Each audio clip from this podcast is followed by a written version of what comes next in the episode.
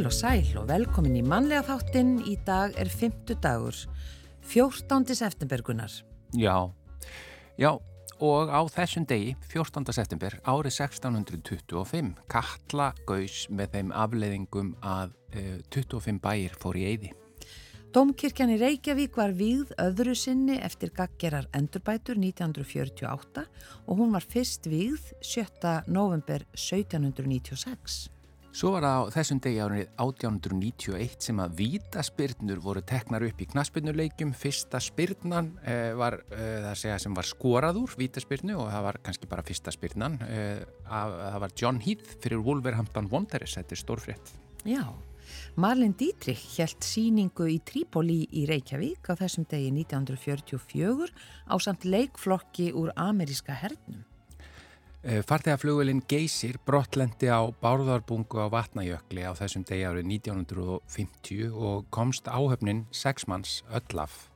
Eh, Vélinn var á leið frá Luxemburg til Reykjavíkur og hún fannst ekki fyrir henn eftir fjóra daga. Já, það gaman að hérna, lesa þessa bók. Þetta, þessu slísi er líst í útkatts, einni útkattsbókinni. Já, sérstaklega fyrst að það fór ekki verið. Já, því, einmitt út af því. Nú, hljómsveitin The Kings kom til Íslands 1965 og hjælta átta tónleika á fjórum dögum í Östurbæðabíói, alltaf fyrir fullu húsi. Og í tilefna af 100 ára ammali Sigur og Nordal eh, var sett á laginnar stopnun sem ber nafn hans á þessum degi ári 1986 en Sigurður var prófessor í íslenskum fræðum við Háskóla Íslands. Og að efni þáttarins í dag, brís krabbamein eru erfiðari viðregnar en mörg önnur krabbamein og þrátt fyrir að vera um 2% af þeim krabbameinum sem greinast á hverju ári hér á landi eru þau fjórða algengasta ossök döðsfalla af völdum krabbameina og það er brínt að finna leiði til að auka lifun þeirra sem fá brískrappa megin meðal annars með því að greina meinin snemma þegar skurðaðgerð er líklegt til árangurs. Og ein leiðin til þess er að bæta eftirlit með einstaklingum sem vitað er að eru í hárri áhættu á að fá brískrappa megin. Og núna er hafinn undirbúningur að slíku eftirliti á landsbítalanum og hún sest hérna hjá okkur eftir smástund, hún Sigurdís Haraldsdóttir, yfirleiknir krabbaminsleikninga á landsbítalanum og dósent við Háskóli Íslands. Líðræðið og samfélagsmál verða rauður þráður líðræðisháttíðarinnar fundur fólksinn sem verður haldinn á morgun og hinn í, við Norrænahúsið. Háttíðin er svo áttunda í rauðinni og á henni verða fjölbreyttar umræður um fjölbreytt málefni en tilgangurinn er að skapa vettvang til samtalsmiðli almennings, stjórnmálafólks og frjálsara félagsamtaka. Ingi Björg Greta Gísladóttir, verkarnastjóri fundar fólksins hún ætlar að segja okkur meira um fundin og hvað þar fyrir fram og með henni kemur Ingrid Kuhlmann, eh, formaður lífsverðingar félagsum dánaraðstóð. En hún mun segja okkur frá tveimur viðburðum sem að félagi verður með á fundinum. Við ætlum svo að forveitnast um rástefnu sem ber heitið Eldri og Betri sem stendur yfir einmitt núna í Norðaljósasal hörpu á vegum Soltúns heilbriðis þjónustu. Þar er rætt um mögulegar lausnir á áskorunum framundan til að geta mætt og synt þörfum ört stækandi hóps aldraðra hér á landi. Og sérfræðingar í öldrunarþjónustu fara yfir stöðuna á samt því sem erlendir sérfræðingar deila reynslu af því hvernig önnu lönd gera í þessum málaflokki. Og hún kemur yngar Halla Tórótsen, fórstjóri Soltúns heilbyrjist þjónustu til að segja okkur svona frá því helsta sem verður rætt á rástefninni. Já, uh, og við byrjum á tónlist eins og alltaf þetta er Una Torfadóttir og lag hennar í Löngu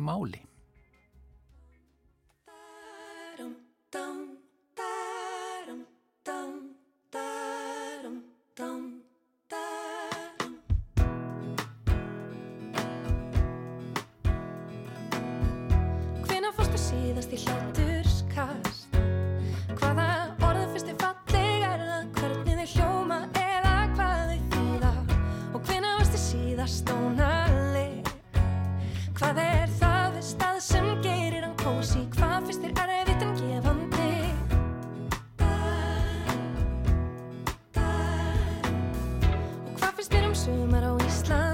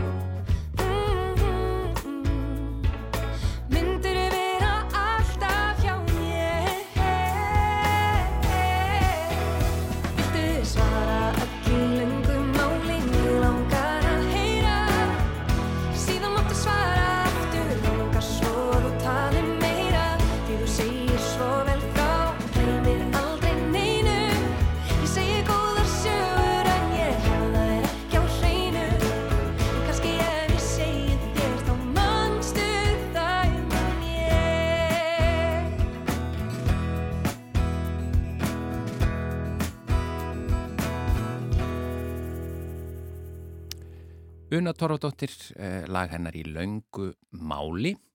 En yfir í annað, eh, brís krabbamein eru erfiðari viðurregnar en mörg önnur krabbamein og þrátt fyrir að vera um 2% af þeim krabbameinu sem greinast á hverju ári hér á landi eru þau fjórða algengasta orsök döðsfalla af völdum krabbameina. En hingar komin eh, Sigurdís Haraldsdóttir, yfirlæknir krabbameinslækninga á landsbytalanum og dósend við Háskóla Íslands. Velkomin í manlega þáttinn.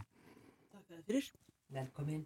Eh, ef við kannski bara svona byrjum á því að segja frá að, að sagt, það á að bæta eftirlit með einstaklingum sem er vitað um að séu í hári áhættu á að fá brís krabbamein og það er verið að hefja eða undirbúningur hafin á landsbytalanum að slíku eftirliti. Já, mikið rétt. Heimitt, við erum að fara af stað með há áhættu eftirlit og erum með kynningarfund stóran í dag klukkan 2 í kaffinu í 12 og viljum auðvitað fræða almenning um þetta svo við fáum þá einstaklingar sem eiga að vera í þessu eftirliti til okkar. Já, og hvaða einstaklingar eru það? Sko við vitum það að, að fólk með ákveðnar erðabreitingar og sterka fjölskyldursögu er í, í, í svona hári áhættu á fábrískarpamein og e, til dæmis fólk sem er með tvo fjölskyldumæðlimi eða þrjá fjölskyldumæðlimi sem hafa fengið brískarpamein En það má líka nefna fólk til dæmis með erðabreitingar eins og brakka þar sem er einni fjölskyldu sáum brískrabbamein. Og það eru önnur erðaheilkenni eins og FAM og Poitsjekers. Það eru, það eru nokkra fjölskyldur með þessi heilkenni á Íslandi og, og þetta fólk viljum allt fá til okkar í þetta eftirlitt. Já, þannig að ef það er einhver fjölskyldusaga og eins og segir kannski þrýr eða fleiri sem hafa fengið þetta krabbamein í fjölskyldunni þá á fólk að koma í þetta eftirlit. Akkurat, já, ég myndi segja tveir, tveir eða fleiri. Tveir eða fleiri. Þurfa að vera svona, eh, sko, náskildir, þarf að vera sískin eða foreldri. Já. En sko, eitt bara með að því að brísið, ég er bara ekki alveg viss hvað það gerir. Af hverju er brískrabbamein svona alvarlegt? Akkurat, já, brísið er kirtill og er hluti af meldingarveginum og skiptist í tvo hluta. Það eru útkirtla hluti sem að framleiðir meldingar enzím og hjálpar okkur að melda fæðuna og svo er innkirtla hluti sem er ekki síður mikilvægur en það er insulín og önnur hormónframleitt mikilvægi efnaskiptum. En ástæðan fyrir að það sé svona, afhverju það er svona erfitt viðuregnar að það er þetta kannski maður sem spilar inn í en eitt er staðsetning brissins að það liggur svona aftalega í kviðnum bak við magan, liggur svona í, við skeifugörnina og þarna eru stórar æðar og taugar. Og þessi krabba minn þegar þau vaksa að þá vaksaðu oft í kringum þessar æðar.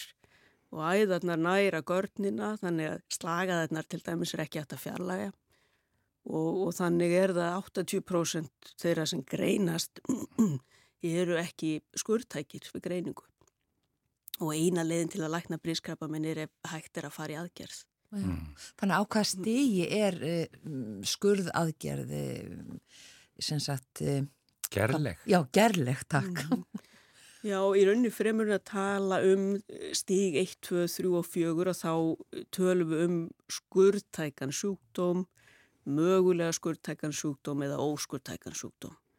Og við hérna ræðum öll tilfelli sem kom upp á Íslandi á samráðsfundi, við erum með þverfælegt teimi í þessu og þar er, er, er, eru myndir skoðaðar og mikið púðurlagt í að ákveða meðferð Stundum er hægt að breyta mögulega skurðtækum sjúkdómum í skurðtækan með því að gefa lifjameðferð fyrst.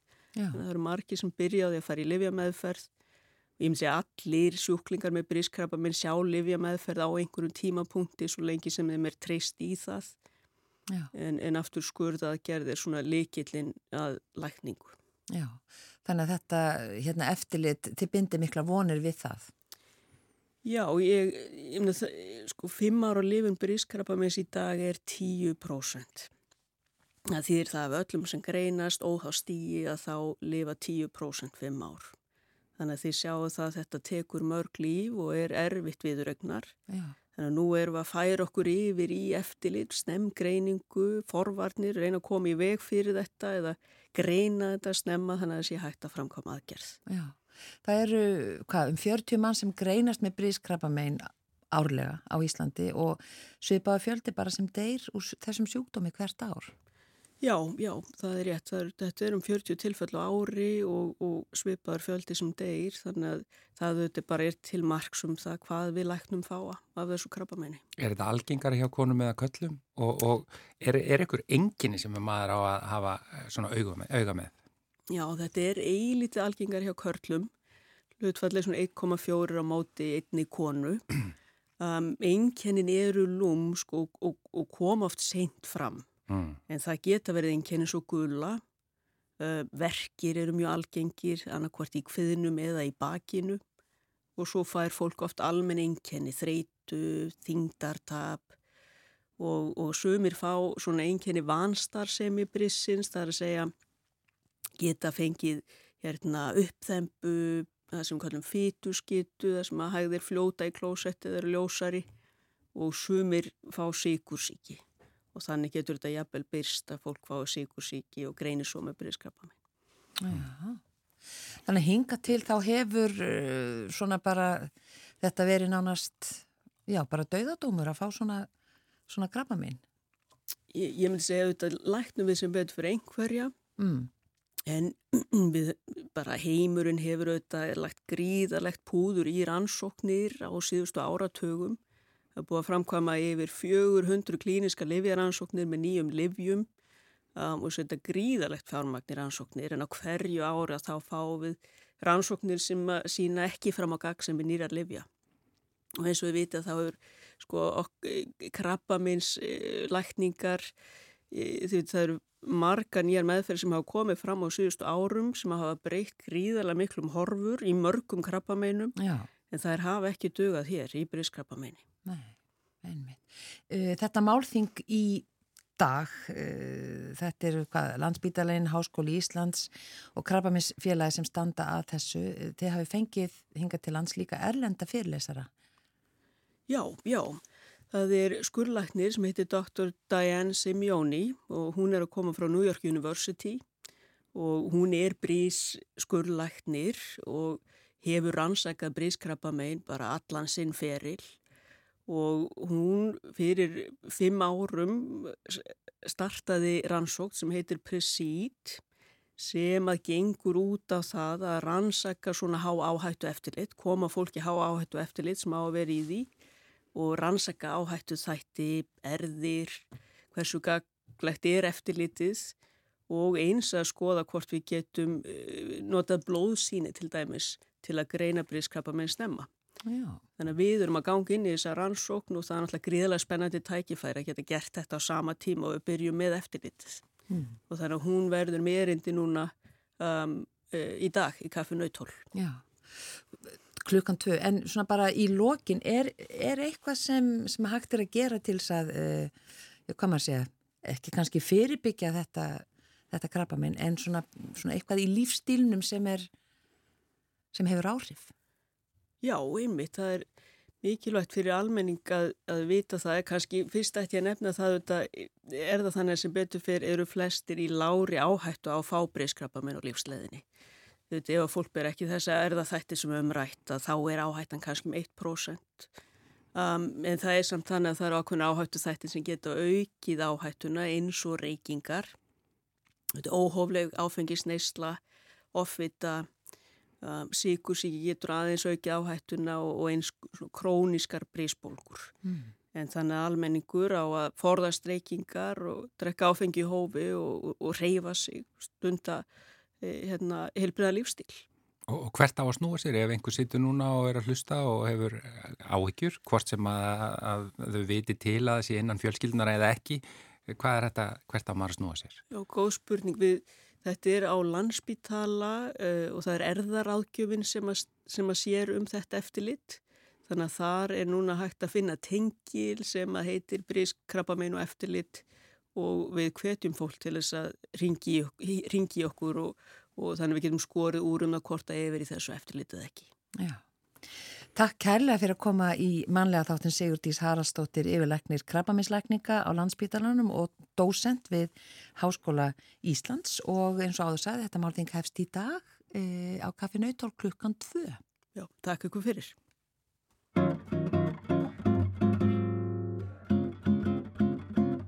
Don't you notice how I get quiet when there's no one else around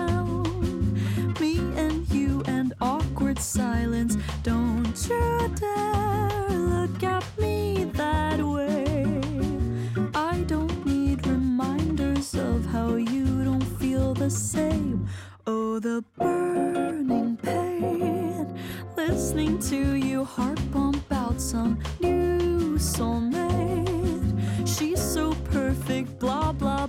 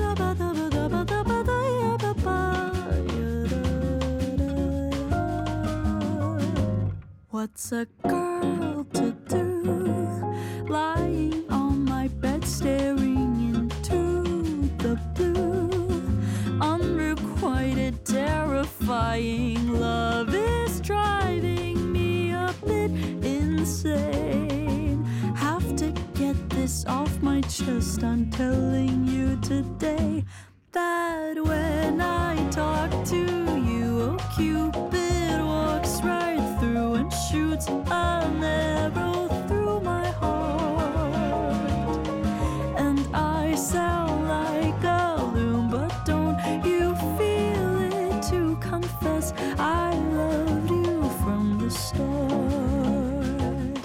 Confess I loved you, just thinking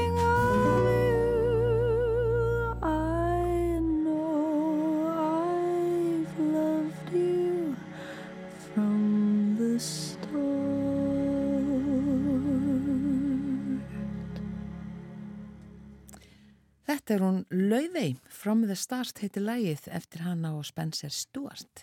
Já, hún er búin að vera að slá öll Já, maður. við erum mjög stolt af henni. Já, heldur betur. Uh, en hingað eru komna þar Ingibjörg Greta Gísladóttir, verkefnastjóri Fundar Fólksins sem við ætlum að fræða staðins um og með henni er Ingrid Kúlmann, formaður lífsvirðingar félagsum dánaraðstóð, velkomnar báðar í mannlega þáttin. Takk fyrir. Takk fyrir. Byrjum bara þér, Ingibjörg Greta, þessi fundur uh, sem að er á morgun og hinn, eða ekki? Jú, Og, og það stóði í tilkynningu við Norræna húsið, er það rétt já, orðað? það er bara það er bæði í og við Norrannahúsið. Ah, ég held að það var að kannski bara svona í kringum það. en hvað, segðu okkur frá þessu, þessari hátíð, þetta er líðræðis hátíð. Já, þetta er líðræðsháttið sem er búið að vera núna í áttaskipti á Íslandi Já, að hérna fyrirmynd hérna hinna Norðurlandana, hátíðana þar. já, Þið kannski vitið að Ólaf Palmi hann steg upp á pall í sumafrí einu sinni, 68 minni mig hafði lofa konunni sinna að tala ekki um politík í sumafríinu en fór upp á bílpall og fór að tala af almenning. já, Og þetta er upphæfið af sem líðræðisháttíðum. Og við erum bara í tjöldum og inn í húsi og úti og undir gróðurhúsi við Norðanhúsið að ræða allskins mál. Og meðal annars sem Ingrid ætlar að ræða um hérna uh, dánarástóð og líknameðferð já, að þá hérna erum við að tala um tungutækni og túrisma. Ha, við samstarfið átnastofnun, við erum að tungutækni. tungu, tækni Já, og túrisma. ég Ekki tungutækni. tungutækni. Og við ætlum að tala um uh, túrisma og hérna samfélagi, við ætlum að tala um, um uh, gerfugreint, Já, bæði fyrir íbúðalýðræði og hérna blaðamannifélag ætla að um hvort að gerfugreint getur sagt fréttir. en sko hverjir, að því þú segir við, hverjir eru við? Hverjir Við- sækja þennan fund og... og Þú og ég, Já, já. Hann er ætlar að fyrir alla. Já, já, já, já. og hverjir standa á hann? Þetta sko að, að líðræðsháttíðinni stendur almannaheill samtök þriðja geirans sem eru framkvæmd aðili og hafa fengið styrk frá Reykjavíkuborg og félags- og vinnumarkasráðanetinu Mm til að halda þessa líðræðisháttíð. Og svo fenguðu mig til þess að halda utanum viðburði og, og ræða við alla þáttakandur sem ætla að koma inn. Og við erum hérna með uh, bara tæplega 50 viðburði á morgun og hinn. Og ætlum að, eins og ég segi, það eru alls konar uh, aðlar, stopnanir, það eru stjórnmálamenn og það eru hérna uh, samtök Mm. og einstaklingar Mm. sem ætla að stíga á stokk og ræða sín málefni. Já, þannig að þetta er svona samtal. Þetta er samtal, já. Og þetta er líka, hérna, þetta, þetta er opið fyrir alla, kostar ekkert inn. Þannig að, og við erum líka, eins og segi, tjöldum fyrir utan, þannig að við setjum þetta upp á mjög svona hressilegan máta. Mm. Og ég er búin að panta gott við þurr. Já. Uh, Ingrid, uh, formar lífsvirðingar félags um dánaraðstóð. Þú ættir að segja okkur frá uh, hérna tveimur viðburinn sem félagi verði með. Já, við verum einmitt í tjaldi klukkan 11 á lögadaginn og þar ætlum að ræða við stjórnmálumenn. Þar er einmitt þetta samtal sem að Ingebjörg er að tala um. um að því að það kom út ný skýrsla í júni. Það hefur nú kannski ekki farið mikið fyrir henni en uh, þar var verið að kanna sem sagt viðhorf heilbriðstjætta til dánaranstóðar. Og í fyrsta skipti þá er mikill meiri hluti lækna hjókunafræðinga og sjúkraliða sem að vill, sem hefur jákvægt viðhort til dánarastöðar. Þannig við ætlum að, að ræða við stjórnmálmenn að því að við erum búin að sjá líka í könnunum meðal almennings að um, það er mikill meiri hluti almennings eða 76, millir 76-80% sem vill sjá dánarastöð, vill hafa þennan uh, valkost. En það er pínu gjámiðli þings og þjóðar, það gerist ekki neitt. Og þannig að við ætlum svolítið að, að um, fá þessa stjórnmálamenn til að svara hvað ætli þið að gera við þessa niðurstöðu. Nú er komið að ykkur og það er Sigmundur Ernir Rúnarsson sem ætlar að stýra þessum viðbörði og svo erum við eftirhátti í klukkan 2, þá erum við í Norrannahúsinu, það verður í, í streymi. Og þá ætlum við að fá fulltrúa lækna, hjókunafræðinga og sjúkraliða til að já, tjásu um þessar niðurstöður. Og, og líka, já, hvað, hvað er næsta? Því að það er ótrúlegt að sjá að læknar 56% þeirra stiðja núna dánaranstóð um, að miklu hæra með hjókunafræðinga 86% og 81% meðal uh, sjúkaliða. Þegar þú segir dánaraðstof, Já. uh, hver er staðan í dag og hverju eru þið þá að, að í rauninni að berjast fyrir?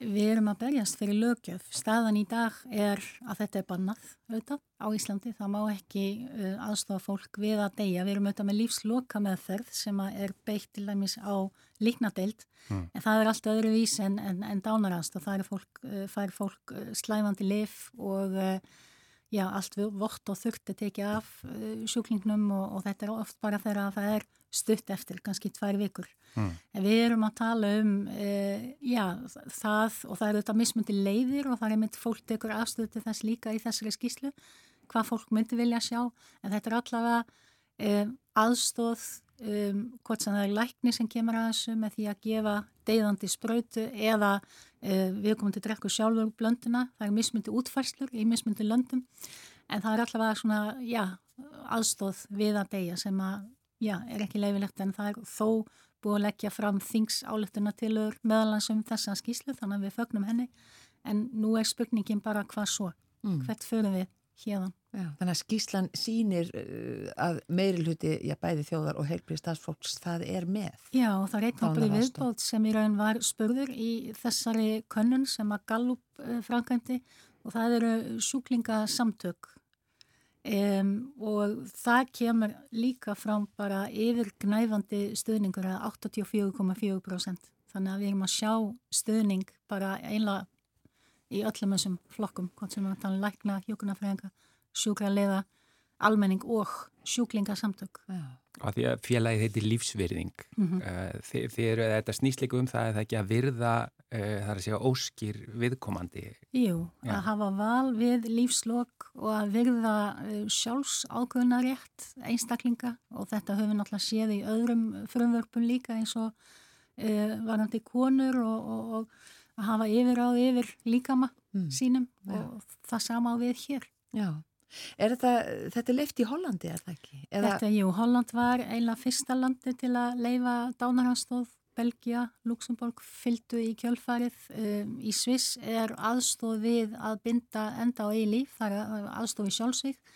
Það hefur verið alveg síðan 1970 en uh, og svo eru sífælt fleiri lönd og það er einlega það sem við erum svolítið að, að um, tala um líka. Það eru bara löndi í Európa til dæmis núna nýlega bæði Austuríki og Spán sem hafa leift dánaranstóð. Uh, Portugal er næst umræðina mjög langt komin í Breitlandi og við sjáum líka á Norðurlöndunum það er þetta hverki leifilegt en það er líka mikill stöningur og við erum svolítið að velta fyrir okkur bara ætlum við að vera, verða síðasta landi í Európa til að til að löglega dánaranstóð. E, þetta er líka leifilegt í Nýjarsjálflanda og í Ástralíu, öllum fylgjum núna, í Kolumbíu, það er sífælt fleiri lönd sem í Kanada þetta mm. og í Bandaríkinum í, í, í dag held í 13 eða 14 fylgjum. Þessi, þessi tveir viðburur á ykkar vegum þar sem lífsviðingar verða álögadeginum.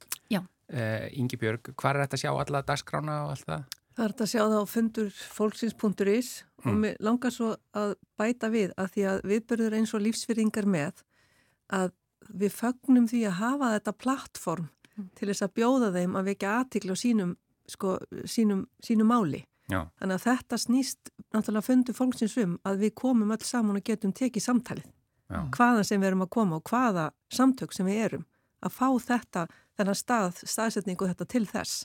Svo er önnur dagskrá, eh, hvað er það að segja, samhliða eða er það eh, fyrir ungt fólk? Já. Eða er það að, flokku, eða er það að fundur fólksins, unga fólksins? Lýraðisátti unga fólksins? Já. Já, það er eh, grunnskólaneymar í Reykjavík sem er að koma í fyrramálið Já. og ætla að ræða um geðheilbriði, ætla að ræða um félagslega þáttöku, ætla að læra að rappa og tjási á íslensku með Reykjavík Uh, og þau ætla að tala um bara, uh, já, ætla að læra að greina hlutina betur svo þau getur tekið betur afstöðu hvað þau fá nákvæm, ná, nákvæmar upplýsingar um slíkt, þannig að það verður fjör alveg frá bara 9.30 fyrramálið og alveg fram eftir degi já. í og við Norranásið. Já í og við. En það var eitt bara að lókum að því að þetta er sem sagt á morgun og hinn eh, en það var bara skemmtileg fyrirsögn í póstunum sem hún sendið mér, það var ull eða dánaraðstóð. Við erum búin að heyra aðeins núna um dánaraðstóð, hvað áttur við með ull?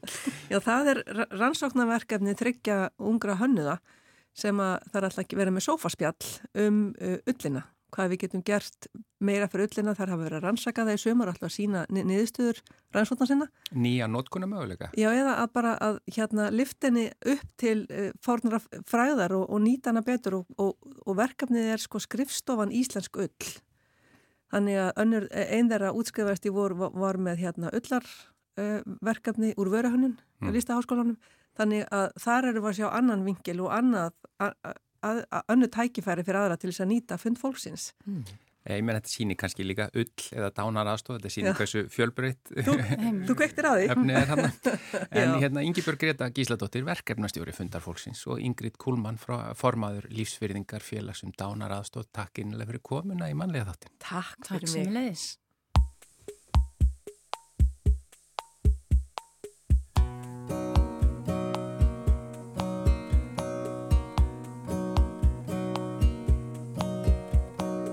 Shoot me with a rubber bullet. Cut me with a jacket knife. All you have to do is tell me if you wanna let it die. You look into my eyes and say you're okay but that's just your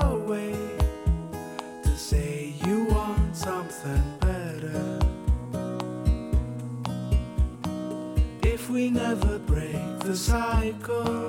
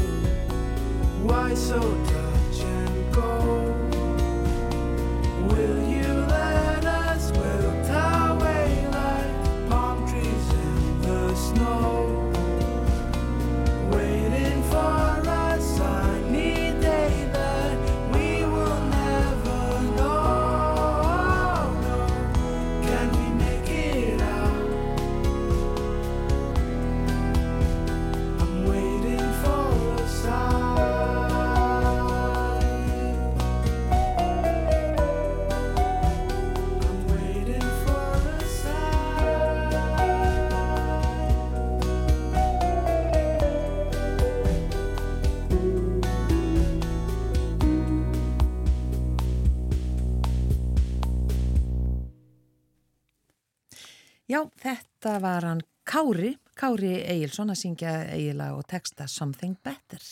Já, hingað komin Halla Tórótsen, fórstjóri Soltúns uh, heilbriðis þjónustu því að það er þessi ráðstefna sem að er nú þegar hafin uh, og stendur yfir í Norðurljósasal Hörpu sem að kallast eldri og betri. Uh, hvaða ráðstefna er þetta, Halla? Já, takk fyrir. Já, velkomin í þáttin. Já, takk alveg fyrir. Já, svo spenntur að byrja að ræða strax. já, Sko. já, gaman að fá að koma og, ræða þessi mál. Já, þetta er ástefna sem að við hjá Soltun erum að standa fyrir, uh, eldri og betri, áskoranir og lausnir í eldruna þjónustu og við vildum raun og bara aðeins taka stöðun og ræða hvert stefnir í eldrunamálum. Bara hverjar eru þessar helstu áskoranir og, og líka koma með svona tillögur á lausnum, það sem við teljum að þurfa að gerast hérna á Íslandi. Já, að því sko auðvitað er það frábært að við erum að verða eldri og eldri en það skapar þó líka það að eh, elsti hópurinn er að stækka mjög hratt eða hvað. Já, uh, allir hópurinn Já. er að stækka mjög hratt, hlutværslega mjög hratt Já, með að við svona yngra fólkið og við sjáum það kannski næsta aldars, aldurs, a- aldarfjórðung er öldrum að fara fjölga það mikið að við erum að fara að tvöfaldast. Já, og það er allt í lagi ef að fólk er hraust og glatt og í golfi og ferðast og bara getur um sig sjálft. Það er bara geggjað, þá bara það er gott að eldast. Um, en við sjáum líka að aldurshópurinn 80 til 89 ára sem að þá fer svona oft heilsuna að raka, alls ekki hjá öllum en jú, svona, kannski við getum sagt, sá hópur sem er að nota mesta heilbyrðistjónustu fyrir þetta í félagslega þjónustu og eitthvað það að á næstu 15 árum honum er að fara að fjölga um 85% úr hvað 2100 í, í 4000 eitthvað sko. Þannig að það er smá áhugjafni ef að við gerum ekki eitthvað drastíst en kannski góðu fréttinnar eru er að þessi hópur uh, það er hægt að hjálpa honum til þess að verða hraustari og snúa kannski þróninu við og við ætlum að, að, að segja frá þeim svona leiðum í dag og, og öðru líka áhugaverðu. þannig að sko helsta áskorun er að þessi hópur er að stækka svona mikið og þetta er hópur sem að er að nota kannski mest uh, heilbriðstjónustuna en þá að reyna að koma gera alla hraustari. Já, það er líkillinn og svo kannski önnur áskorun er að þess að vinnandi hendur, fólk að vinnumarkaði, þeim er að fara að fækka hlutværslega á móti fjölgun aldrara sem þýðir að það eru færri sem er að greiða verið skatta og standa undir félagslega heilbyrðiskerfinu og líka færri vinnandi hendur til þess að sinna þessari þjónustu. Við erum alveg mönnun að vanda í heilbyrðiskerfinu og vanda vinnandi fólk líka bara félagslega og bara allstaðar, það vantar all, allstaðar fólk. Þannig að auðvitað getum við flutt vinnuafl inn, við myndla þurfum að gera það, munum gera það, en við þurfum líka bara svona að skoða einmitt hvernig getum við hjálpa fólki til þess að vera sjálfstæðari heima og þurfa ekki á þessari þjónustu að halda. Það er best fyrir alla, það er best fyrir einstaklingin, það er best fyrir fjölskylduna, fyrir uh, sveitafjölegin sem er að veita félagslega þjónustuna og fyrir heilbyrðiskerfið. Þegar við viljum alltaf bara vera hraust og glöð. Og er það sem sagt eina af lausnunum? Það er að hjálpa fólki að vera hraustar, já, og þeir sem eru að detta í frekara þjónustu þörf að endurhæfa þau og, og, hérna, þannig er hægt að draga úr þessari þjónustu þörf, dragur líkum að fólki lendir í einhverjum byltum eða slesum og lendir þá hérna á landsbítalanum sem er náttúrulega bara við viljum helst ekki fara að þanga því það er kannski ekki best að vera þar ef maður getur bara verið heimi á sér hraustur. Þannig að já, við erum til dæmis að fara að segja frá árangur okkar í Sóltunni heilsusetri, það sem að við opnum nýja endurhæfingadeild fyrir ári síðan sem er að skila frábærum árangri. Það er ekki með uh, samningi við sjúkatryggingar, algjörlega fólki uh, kostnaða lausu, eða vart í heimahjókurinn á höfbrukarsæðinu getur komið þanga að verið í fjóru til sex vikur og gengið út jafnvel á göngugrindar og hraustari og, og lífsglæðri, þannig að við ætlum að segja frá því. Við ætlum líka að uh, við buðum Digirijab sem er svona samstarfsæðil okkar í heimsók og þau ætla að segja okkur frá uh, þeirra, við kallum þetta velferðartækni. Sem að koma, hvaðan koma þau? Þau koma frá Danmörku. Já, það eru erlendi sérfræðingar. Er, erlendi sérfræðingar sem er að segja frá þessari velferðartækni sem heitir Digirijab. Við hefum verið að nota þessa þjónustu síðan 2017 í heimaþjónustun okkar og, og síðan líka á helsusætlunu í ár. En þau ætla að segja frá því og sína fram á að með endurhæfingu í heimahúsi uh, í þrjá mánuði hjá öldruðum sem eru bara að þykja heima þjónustu heima hjókurun að það sé að minga uh, og fækka heimsóknum.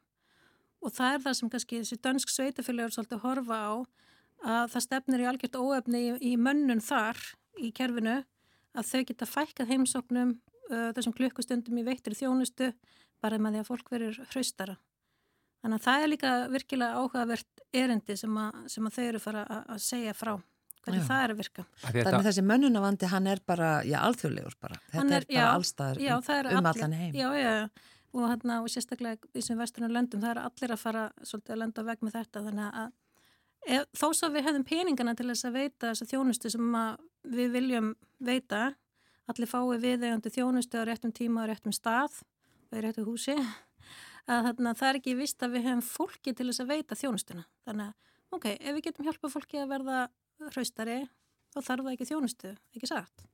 Mm.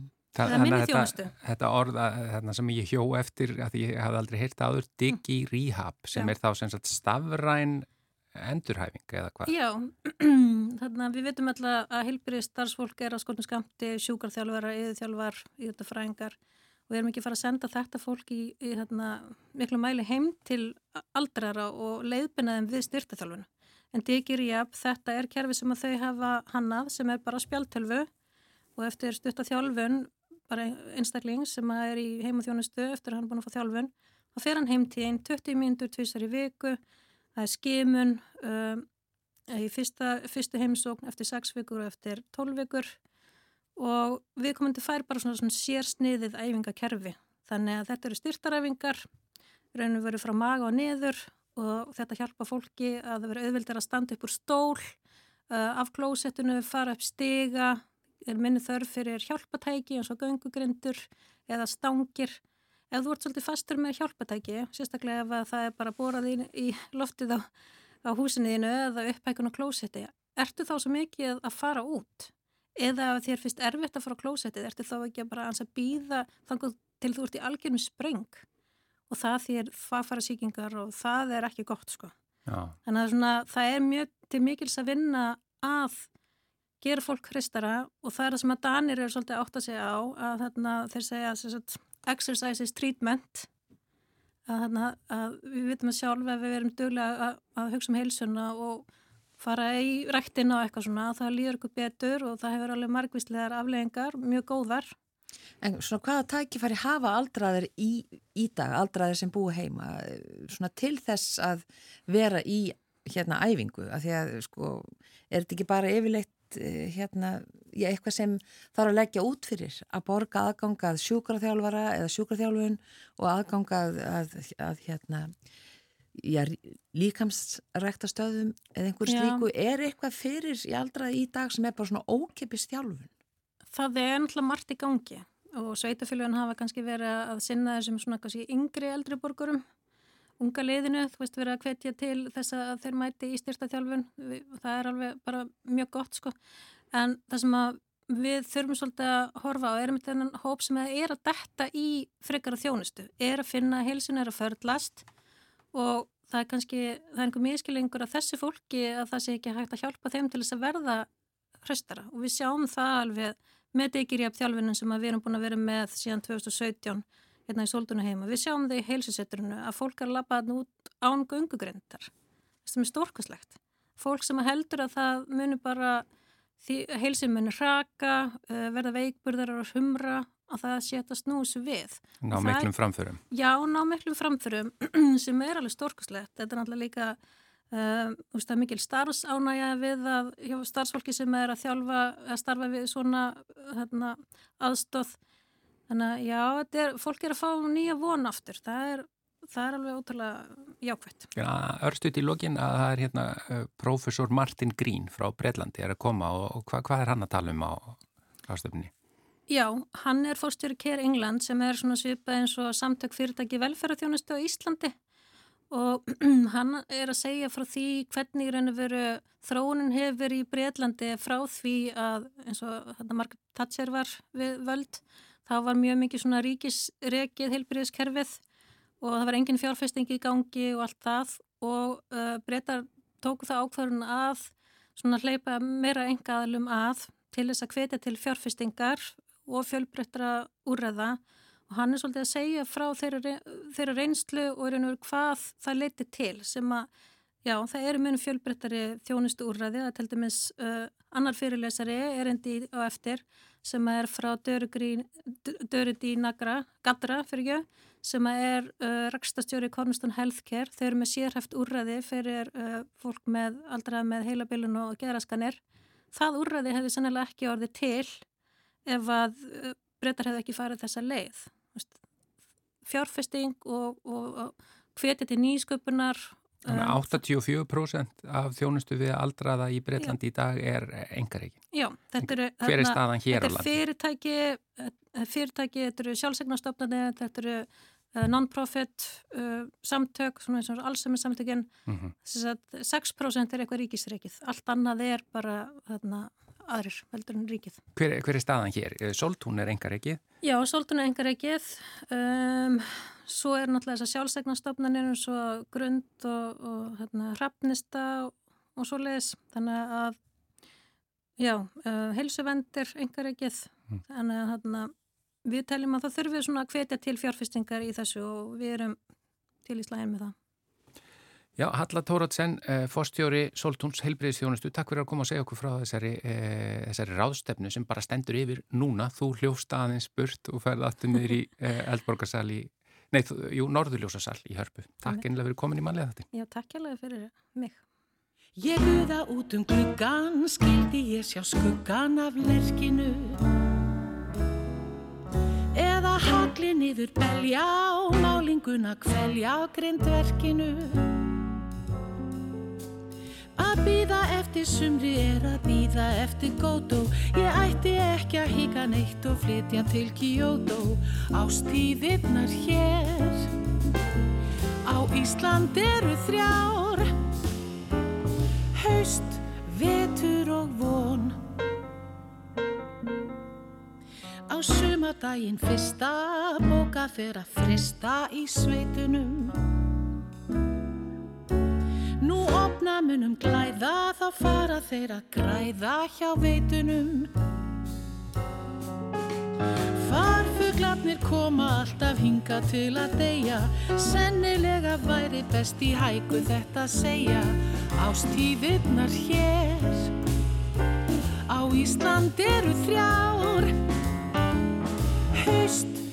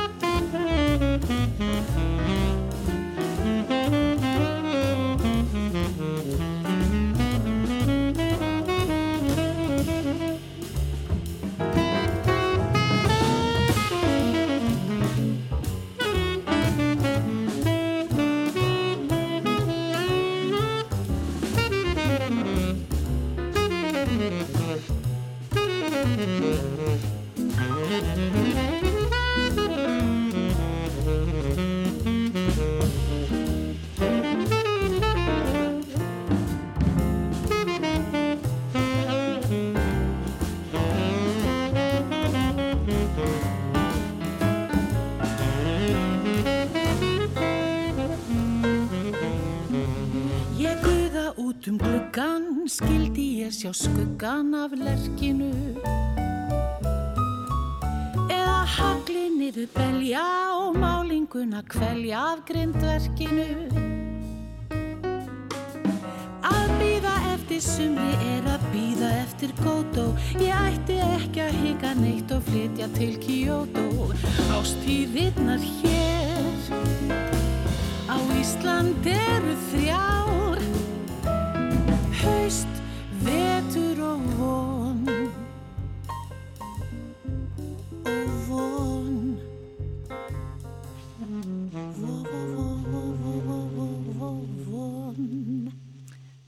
Árstíðina þrjár, söng Kristjana Stefansdóttir, lag Já. eftir Karl Olgersson þetta var Karl eh, Orgel sem Þetta flutti. var, hérna, ég held að kannist margi við þetta, að bara ástíðnar eru þrjár. Já. Það er vetur, haust og von, ekki Já. vor.